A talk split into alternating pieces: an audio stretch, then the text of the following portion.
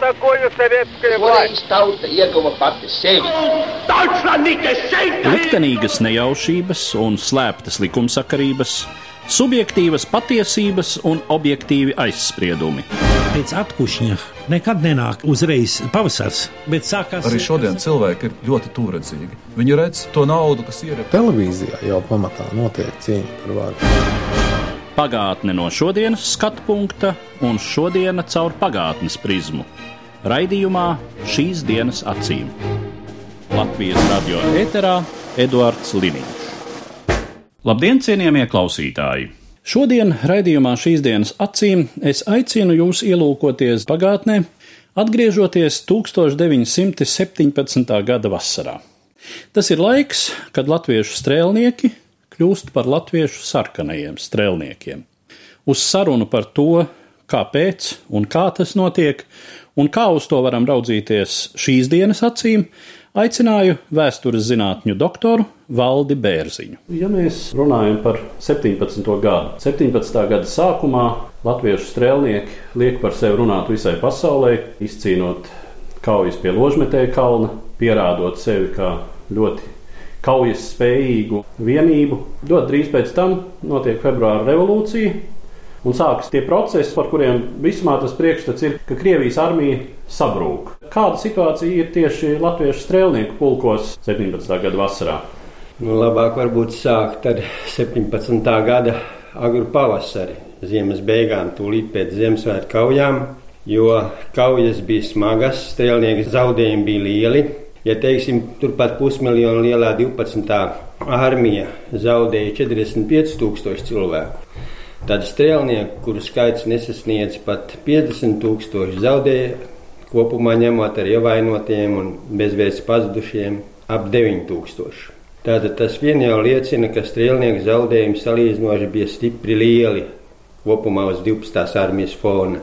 Strēlnieki jutās piekrāpti un nodoti, jo kauja laikā viņi ar lielām pūlēm, protams, un pamatīgiem zaudējumiem pārāva vācu labi nocietinātās pozīcijas, bet sekojošais uzbrukuma izvērsums izpalika. Un vēlāk pat no augstākās virspavēlniecības, kā zināms, augstākais virspavēlnieks bija pats cērs Nikolais II, nāca norādījums operāciju pārtraukt un ja jau no cīņa tomēr jāturpina, tad izmantotām tikai latviešu strēlnieku pulkus. Nu, vairāk vai mazāk tas kļuva redzams arī pašiem strēlniekiem pēc lietu gaitas, jo būtībā viņi tika izdalīti uz īsu brīdi rezervē, pēc tam atkal atsaukti. Un turpinājās visas grūtās janvāra cīņas ar lieliem zaudējumiem. Tā kā bija pilnīgi skaidrs, ka, ja kaut kas līdzīgs notiks vēlreiz, tad no latviešu strēlniekiem diez kas pārvairs nepaliks. Nu, tādēļ arī tūlīt pēc februāra revolūcijas strēlnieki saka, bija visai aktīvi, lai kaut ko mainītu savā un Latvijas, Krievijas liktenī. Politiskais stāvoklis bija ļoti sarežģīts un ļoti aktīvi darbojās lielinieki, kā toreiz viņus sauc komunistus, ieskaitot arī strēlnieku pulkus. Jo strēlnieku pulkos it sevišķi rezerves pulkā jau 1916. gadā, kad sāka armijā iesaukt arī politiski nevisai uzticamos un pat neusticamos, nonāca arī aizdomās turētie, nu, kur nevarēja tieši pierādīt, ka viņš saistīts ar lielnieku partiju, un viņi izveidoja rezerves pulkā pat savu organizāciju, pelēkie, nu, pēc šineļa krāsas armijā. Nu, un šie pelēkie, protams, varbūt bija vieni no tiem, kas jau Ziemassvētku kaujās, kad no rezerves pulka pienāca pirmie pastiprinājumi frontē cīnošamies daļām, arī bija tie, kas sāka urdīt strēlnieku prātus, ka lūk, mēs te esam atsūtīti tikai tīrai izskaušanai, nekam vairāk. Un kas attiecas uz latviešu strēlniekiem, tad izrādījās, ka tā bija gandrīz vai vienīgā partija, kura pavasara mēnešos vispār nodarbojās ar latviešu strēlniekiem. Jo tolaik partijas tikai vēl organizējās, piemēram, tādas kā radikāla demokrātiskā, nacionāla demokrātiskā un citas arī Zemnieku savienība, kas izveidojās 1917. gada aprīlī, bija aizņemts ar pašvaldības jautājumiem, ar vidzemes guberņas komisāra vēlēšanām. ar agrārā jautājuma risināšanu. Vienvārdu sakot, viņiem rokas bija par īsām, var jau to saprast, vērsties arī pie armijas, pie latviešu strēlniekiem. Un pēc tam jau visi tie pasākumi, kas tiek turpināti, būtībā daudz no viņiem tie veltītie pārmetumi, dažādie skaidrojumi, tie būtībā viena otrā gadījumā pat ir varbūt pārsteidzīgi izteikti Un faktiski strēlnieks tikai aizvaino un pat dažkārt sanikno. Un tā latviešu strēlnieki, kuri sāk izdot arī savu avīzi, brīvais strēlnieks, un jau pirmajā numurā paziņoja, ka viņi vēlas panākt Latvijas autonomiju, drīz vien faktiski tika atstāti lielinieku aģitācijas varā. Pirmā strēlnieku sanāksme notiek Valmierā 1917. gada martā. Šī Valmieras sanāksme Raksturīgi ar to, ka šeit vēl strēlnieki un virsnieki nedalās, viņi iet kopā un kopīgi cenšas lemt par to, ka vajadzīga autonomija Latvijai un ka būtībā Latvijas jautājumu izšķiršanai jāpiedalās arī strēlniekiem.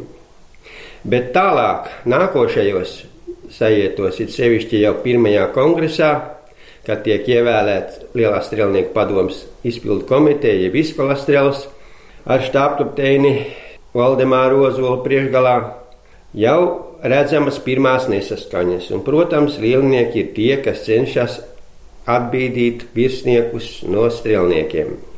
Jo skaidrs ir tas, ka strēlnieki, ja tiks atstāti virsnieku uzraudzībā, virsnieku ietekmē, protams, nepakļausies lielnieku aģitācijai. Tas bija tūlīt jau noprotams pašā sākumā.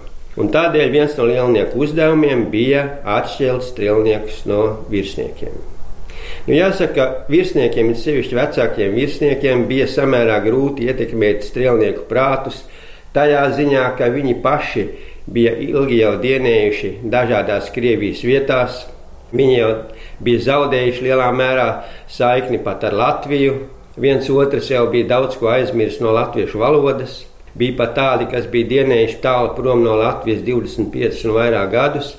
Un tas, protams, nozīmēja, ka viņš nevarēja iesties strēlnieku vidū un veikt kaut kādu nopietnu aģitāciju. Pie tam arī viņš visu savu dzīvi praktiski atturējās no politiskās darbības, pats nespēja orientēties tajos strauji mainošanos notikumos. Nu, šādos apstākļos, protams, lielniekiem bija visai ērti un izdevīgi nostiprināties tieši strēlnieku pulkos. Labāk, protams, nekā aizmugurē kur situācija bija pavisam savādāka. 1917. gadā aprīlī strēlnieki bija vieni no tiem, no pirmajiem, kas pacēla arī Latvijas sarkanbaltu sarkano karogu. Autonomijas jautājums visu 1917. gadu līdz pat Rīgas krišanai, rudens pusē, bija viens no tiem, par ko strēlnieki nešaubījās, ka tas ir jāatrisina. Pat pēc tam, kad strēlnieki jau lielā mērā bija lielinecizējušies. Jo lielinieku iespējas nemitīgi pieauga. Kas bija tie apstākļi, kas vēl veicināja lielnieku ietekmes pieaugumu? Nu, jāsaka, daudz strēlnieku bija nākuši no vienkāršām aprindām. Viņu vidū bija daudz strādnieku, kalpu, bezemnieku, tātad sociālais stāvoklis. Tad vēl jāņem vērā tāds apstākļis, ka strēlnieku vidū bija arī starp virsniekiem, jaunākiem virsniekiem, apakšvirsniekiem daudz bijušo skolotāju, kas paši bija cietuši 1905. gada revolūcijā. Un, kā zināms, revolūcijas laikā sociāldemokrātiem bija visai liela ietekme. Un šī ietekme turpinājās arī vēlākajos gados, protams, pieklususi pēc revolūcijas gados, bet tagad pēc februāra revolūcijas Krievijā atkal sociāldemokrātu lozungi atkal ieguva visai ietekmīgu atbalstu.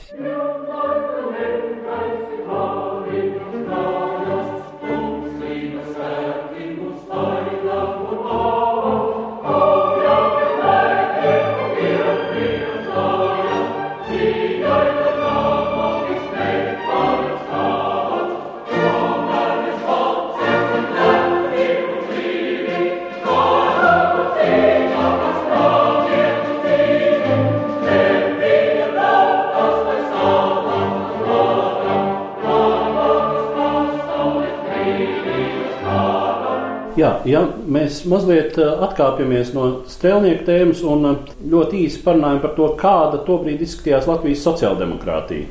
Vai bija notikusi principiāli šī šķelšanās starp lieliniekiem un maziniekiem tajā brīdī jau Latvijas sociāldemokrātijā? Nu, kā zināms, šī šķelšanās Latvijas sociāldemokrātijā notiek ievērojami vēlāk nekā Krievijas sociāldemokrātu rindās, un izveidojās sociāldemokrāti mazinieki. Arī Latvijas sociāldemokrātijā, sociāldemokrāti internacionālisti, kuri atsevišķos jautājumos it kā nepiekrita lielniekiem, bet tāpat laikā vairākos citos jautājumos, nozīmīgos jautājumos, bija viensprāts ar viņiem. Un tādēļ šī šķelšanās ilgi nenotiek. Būtībā šī šķelšanās notiek jau tad, kad tuvojas izšķirošie notikumi 1917. gada rudens pusē.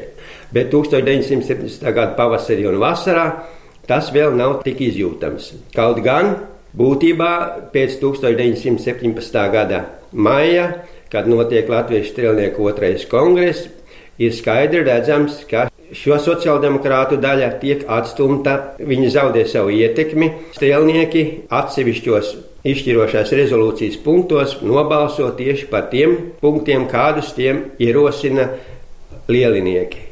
Tas ir pret imperiāliskā kara turpināšanu, pret Krievijas buržāsko pagaidu valdību, un par varas nodošanu padomēm strādnieku, kareivju un zemnieku, Latvijā bezzemnieku deputātu padomēm. No mūsdienu viedokļa raugoties uz to situāciju, it kā eh, var šķist mazliet paradoxāli tas, ka nu, vai tad tiešām strēlnieki nesaprata, ka šāda te armijas graušana, šūpošana agri vai vēl novedīs pie tā, ka vācieši, kas jau bija pusi Latvijas pievākuši, uzbruks tālāk un visa Latvija visdrīzāk nonāks vācu varā. Šis arguments kaut kā strēlniekus neiespaidoja vai, vai kā to lielinieki apgāja? Nu, lielinieki arī saprata, ka pilnīgi atteikties izpildīt pavēles un vairs nekarot praktiski nav iespējams. Un tādēļ šī rezolūcija par to, ka vairs neturpināt karu, nedaudz vēlāk tika papildināta ar norādi ar īpaši tā saukto 12. punktu attiecīgajā rezolūcijā par to, ka strēlnieki atsevišķos gadījumos, teiksim, aizstāvēšanās karu ar mieru turpināt, ja tas nerunā pretī demokrātiskā vairākuma interesēm. Nu, ņemot vērā visus tos apstākļus, kas toreiz notiek Krievijas armijā, kad armija arvien vairāk zaudē kaujas spējas. Protams, bija grūti neparedzēt to, ka vācu armija to drīz vien izmantos, un tas drīz vien arī pierādījās. Bet tas, protams, notiek nedaudz vēlāk. Vācu puse organizē, pat jāsaka, zināmā mērā veicina frontē sākušos brāļošanos, iegūstot dažādas izlūku ziņas par tiem, kas viņus interesē. 12. armijas frontē un arī citur, un, protams, Vācijas turpmākie nodomi saistās ar ievērojumu teritoriju sagrābšanu austrumos. Mēs varam teikt, ka tais kaujās pie mazās jūglas, kas ir pēdējās lielās strēlnieku kaujas Pirmā pasaules karā, un faktiski pēdējās kaujas, kurās mēs runājam par tā sauktiem vecajiem latviešu strēlniekiem, kad viņi vēl nav īsti saucami par sarkanajiem. Nu, tur it kā tiek realizēts šis princips, ka nu, aizstāvēšanās kaujas, kas ir nepieciešams, tās viņi arī izcīna un, un izcīna joprojām ar strēlniekiem raksturīgo kaujas prasmu un varonību. Kā ir ar um, latviešu virsniekiem, kādi ir viņu noskaņojumi, politiskās noslēdzes tajā laikā? Nu, latviešu virsniecība gan nebija viendabīga, jo, kā jau teicu, vecākie virsnieki lielā mērā bija politiski, varētu teikt, indiferenti. Vai ir kādi latvieši, kur ir arī teiksim, tādi izteikti monarhisti? Grūti tā viņiem būtu pārmest, ka viņi būtu tieši monarhisti, lai gan tur neviens, vien, kā zināms, cīnījās Kolčeka armijā un vēlāk arī citur. Balto rindās, bet tomēr simpātijas vecajai, stingrajai, kā viņi uzskatīja, kārtībā, protams, starp viņiem Tādas virsniekus atrast nav grūti. Nu, jāsaka, daudzi bijušie virsnieki arī centās strēlniekus, kā saka, vest pie prāta. Nu, tas pats Gārnis Gopers uzstājās otrajā strēlnieku kongresā. Nu, strēlnieki viņam nesakoja, jo būtībā jau jāsaka, lielnieki bija arī parūpējušies par to, kā vietējās strēlnieku komitejas, rotu pulku komitejas, kas izvirzīja delegātus uz otro kongresu, faktiski arī bija nonākušas lielnieku pāraudzībā. Un līdz ar to jau otrā kongresa sastāvs jau bija skaidri noformēts tādā ziņā, ka nebija grūti paredzēt pašiem lielniekiem, ka viņu rezolūcija, kā saka, izies cauri.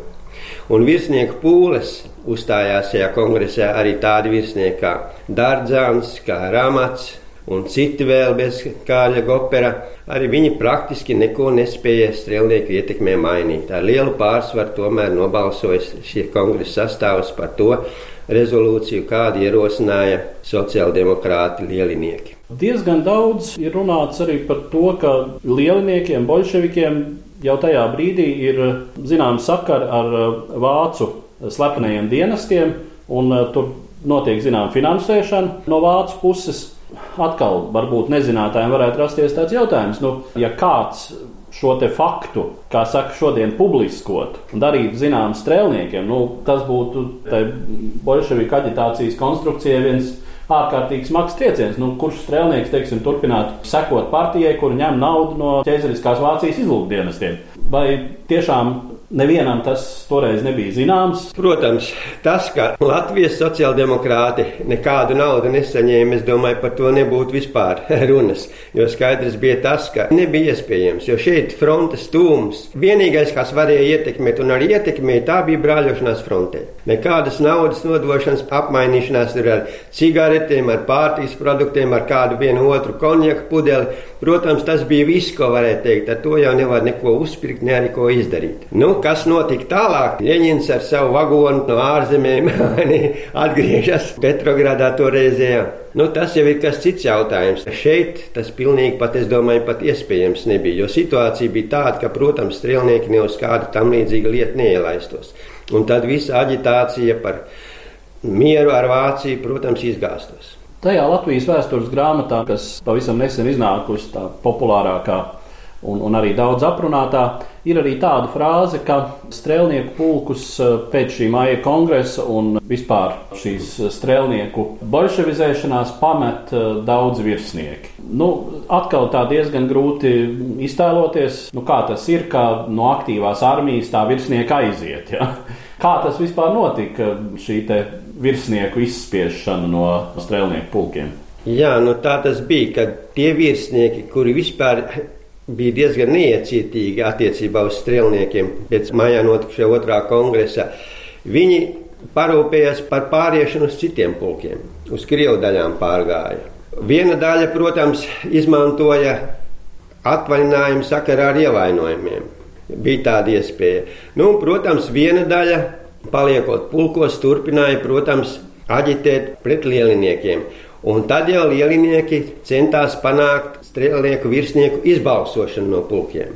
Tika organizētas strēlnieku sanāksmes, kurās arī, protams, lielnieki uzstājās un lūk, teicat, mums te viss būtu labi, bet šie kungi mums tātad traucē veikt to, ko jūs paši strēlnieki esat nolēmuši. Nu, šādas izbalsošanas, protams, notiek. Dažkārt, jāsaka, vienā otrā gadījumā diezgan vienkārši tas notiek. Strēlnieki vienkārši tiek nostādīti faktu priekšā, ka lūk, komiteja nolēmusi, ka šim virsniekam nav vietas pulkā. Nu, tas virsnieks, protams, arī parūpēs par to, vai nu pats aiziet, vai vēlāk, kuri tomēr bija daļa, kas nekur neaizgāja, palika pulkos, neskatoties uz to, tika arestēti jau oktobra apvērsuma priekšvakarā. Un pēc tam daļa no viņiem izbēg. Ir arī tādi, kas pāriet nelegālā stāvoklī, citi aizbrauc tālāk uz Krieviju, iestājas tur dažādās organizācijās. Interesants ir pulkveža brieža liktenis. Nu, viņš bija viens no tiem strēlnieku komandieriem, kurš viens no pirmajiem ieradās, kad organizēja strēlnieku bataljonus. Viņš sāka pirmā Daugaugrijas bataljonā komandēt pirmo rotu. Un 1917. gadā, jau pēc Ziemassvētku kaujām, kurās viņš piedalījās vēl kā bataljonu komandieris, viņš jau kļuva par pulka komandieri. Nu, pateicoties tam, ka viņš ļoti prasmīgi organizēja izlūgājienus, tā bija, varētu teikt, viņa tāda pilnīga specialitāte. Un tam, ka viņš pats bija ļoti drosmīgs, vairāk kārt tika diezgan arī ievainots, un viņa ievainojumi bija diezgan smagi, sevišķi arī Ziemassvētku kauja ievainojums. Un šo ievainojumu nācās ilgi ārstēt. Praktiski viņš atgriezās pulkā 1917. gada rudenī, kad neviens to negaidīja. Lieliniekiem nekas cits neatlika, kā viņu arestēt. Bet, nu, jāsaka, droši vien ne bez strēlnieka, kas viņu apsargāja palīdzības, viņam izdevās izbēgt un pēc tam doties uz Krieviju, kurā viņš iestājās attiecīgā organizācijā, virsnieku organizācijā, kas vēlāk centās panākt varas maiņu, lielinieku varas gāšanu Krievijā. Diemžēl ideja, kas toreiz vienoja daudzus pret lieliniekiem vērsts virsniekus, cieta neveiksmi, arī briedis tika arestēts. Un neskatoties uz to, ka par viņa apžēlošanu iestājās ne tikai atsevišķi latviešu sociāldemokrāti, pat lielinieki, ka par viņu atbrīvošanu iestājās arī Jukums Vācietis, kas tolaik bija stājies sarkanās armijas dienestā un ieņēma pietiekami augstu vietu. Tomēr čekisti viņu nošāva.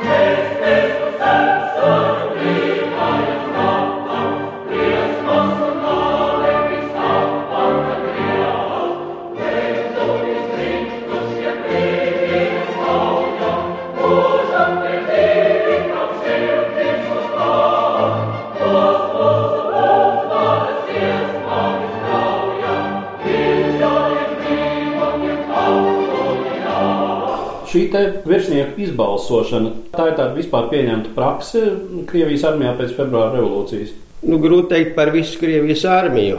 Protams, es domāju, ka tur dažādās vietās notiek dažādi tas, bet tas, ka virsnieki paši daudz pamet Krievijas armiju, redzot, kā izturas pret viņiem karavīri, un daži izturās diezgan mežonīgi, kā zināms, nemaz nav tālu jāmeklē. Piemēram, ģenerālis Duhovņins tika pacelts uz durkļiem un tādu gadījumu nebija mazums.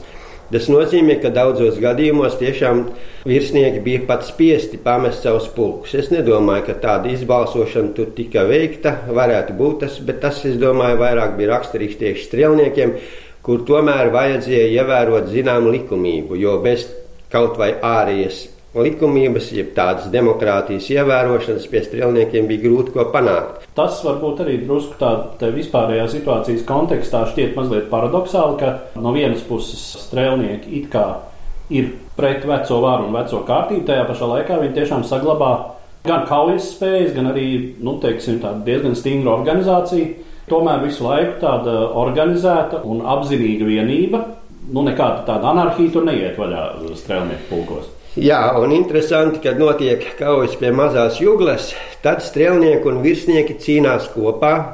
Un virsnieki, kas ir palikuši pulkos, cieši pat kopumā ņemot vēl procentāli lielākus zaudējumus nekā ierindas strēlnieki. Un varētu teikt, atjaunojas uz brīdi strēlnieku un virsnieku nu, kopējā sapratne par saviem uzdevumiem, par saviem pienākumiem attiecībā pret Latviju.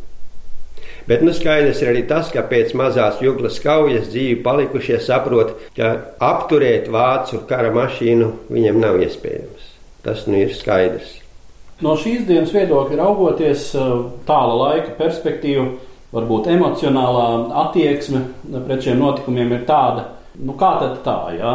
Strēlniekiem taču būtu labāk bijis palikt Latvijā, cīnīties šeit pret vāciešiem, pacelt sarkanbaltu sarkano karogu. Viņi tur aizdaudzījās uz Krieviju, sāka kalpot bolševiku režīmam. Ja mēs tomēr eh, skatāmies no cēloņa saku viedokļa uz to jautājumu, šī strēlnieku bolševizēšanās un aiziešana uz Krieviju tādā Latvijas likteņa kontekstā, kā jūs to vērtētu? 1918. gada februārī, sākoties plašam vācu uzbrukumam, plašā frontē, situācija spieda strēlniekus izvēlēties.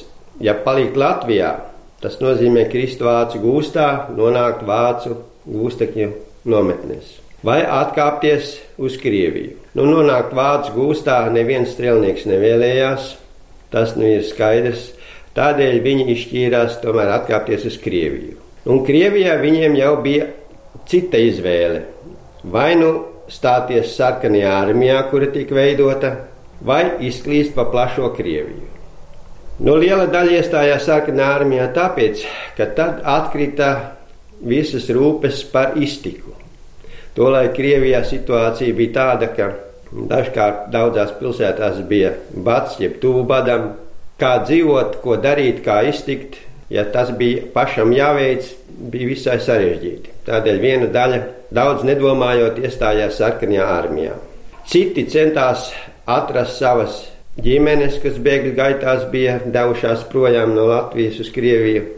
Vēl citi, viņu gan nebija īpaši daudz, kuri jau bija pārliecinājušies, ka ar lieliniekiem kopējs ceļš tomēr viņiem nav, meklēja iespēju cīnīties pret viņiem, tie nonāca tā saucamo Baltu armijās, bet izturēšanās pret latviešiem tur bija tik, varētu teikt, nesaudzīga, ka liela daļa to pat nevēlējās. Nu, kā zināms, tur pat tāds gadījums bija, ka, teiksim, Kolčaka armijā latvieši pat dažkārt virsniekus nogalināja. Bija tāds gadījums, tāds ģenerālis Grīviņš, kur tiek nogalināts. No acīm redzot, tā situācija kad daudzi latvieši bija iestājušies sarkanajā armijā, kad pirmā divīzija sarkanajā armijā tiek veidot kā latviešu strēlnieku padomu divīzija. Latvijas ar bolševikiem. Un tādēļ arī nonākt balto rindās, tas nozīmē atrasties situācijā, kur ar tevi var pilnīgi negaidot izrēķināties tikai izējot no tā, kā tautību tu pārstāvi. Nu, un tādēļ strēlnieki paši, ar viņiem vēlāk iznāca runāt, izteicās pavisam vienkārši. Ja mēs negribējām izklīst un lai mūs apkauj pa vienam, tad mums atlika turēties kopā. Otrkārt, kā pats vācietis teica, situācija viņam likusies tāda, ka jāiet jāatbalsta tā Krievijas politiskā partija, kura piekrīt mazo tautu patstāvībai. Nu, tāda tolaik bija Ļeņina politika - atzīt mazāko nacionalitāšu tiesības lemt par savu likteni. Nu, protams, tas bija tajā brīdī, kad vajadzēja piesaistīt visus šos nekrievus, tā sauktās sociāliskās revolūcijas interesēm, un tas arī tika ļoti veikli izdarīts. Un tā tad, piemēram, tas pats vācietis cerēja, ka ar lielnieku palīdzību izdosies panākt brīvu Latviju. Nu, to viņš raksta arī savā grāmatā, Latvijas strēlnieka vēsturiskā nozīme. Nu, grāmatiņa, protams, nav bieza, rakstīta diezgan īsā laikā, 1921. un 22. gadā, kad viņa iznāca. Un, cik var saprast, viņš pats bija to laiku pietiekoši noslogots un pa brīvajiem brīžiem. Tie bija tādi faktiski uzmetumi, kam vajadzēja sekot plašākam darbam, Pats viņš ir atstājis diezgan daudz dažādas piezīmes, uzmetumus un rakstus par pilsoņu karu Krievijā, bet tie līdz šim brīdim gandrīz nepublicēti visi guļ arhīvā un pamazām mašīna raksts izdziest. Visi šie cara ģenerāļi, Judēņiķi, Deņīkins, Kolčaks, visi viņi bija pārliecināti monarhisti un par kaut kādas brīvu mazu valstiņu Neatkarīgi no Krievijas pieļaušana pat runas nevarēja būt. Kaučaks pat nedomāja atzīt Somijas neatkarību, lai gan rietumu lielvalsts par to bija izšķīrušās jau sen. Jā, tas zināmais jā. jāzīmļoja Rusija ar goju. Deņīkina sagrāve, Kolčaki Dēņš sagrāve, bija viens no tiem nepieciešamajiem priekšnoteikumiem, lai varētu izveidoties tādas neatkarīgas valstis Baltijas reģionā, varētu izveidoties neatkarīgā Igaunija, neatkarīgā Latvija, neatkarīgā Lietuva. Un, protams, šeit, it sevišķi Daņīkina sagrāvē, ļoti ievērojama loma bija latviešu strēlniekiem. Jā, nu, faktiski es domāju ar to secinājumu, ka bez Balto ģenerāļu sakāves Baltijas valstu un Latvijas neatkarība nebūtu iespējama. Mēs varam arī noslēgt šo šodienas sarunu par latviešu strēlniekiem un viņu pāriešanu bolševiku pusē. Paldies! Lūdzu. Par pagātni sarunājas Eduards Līniņš.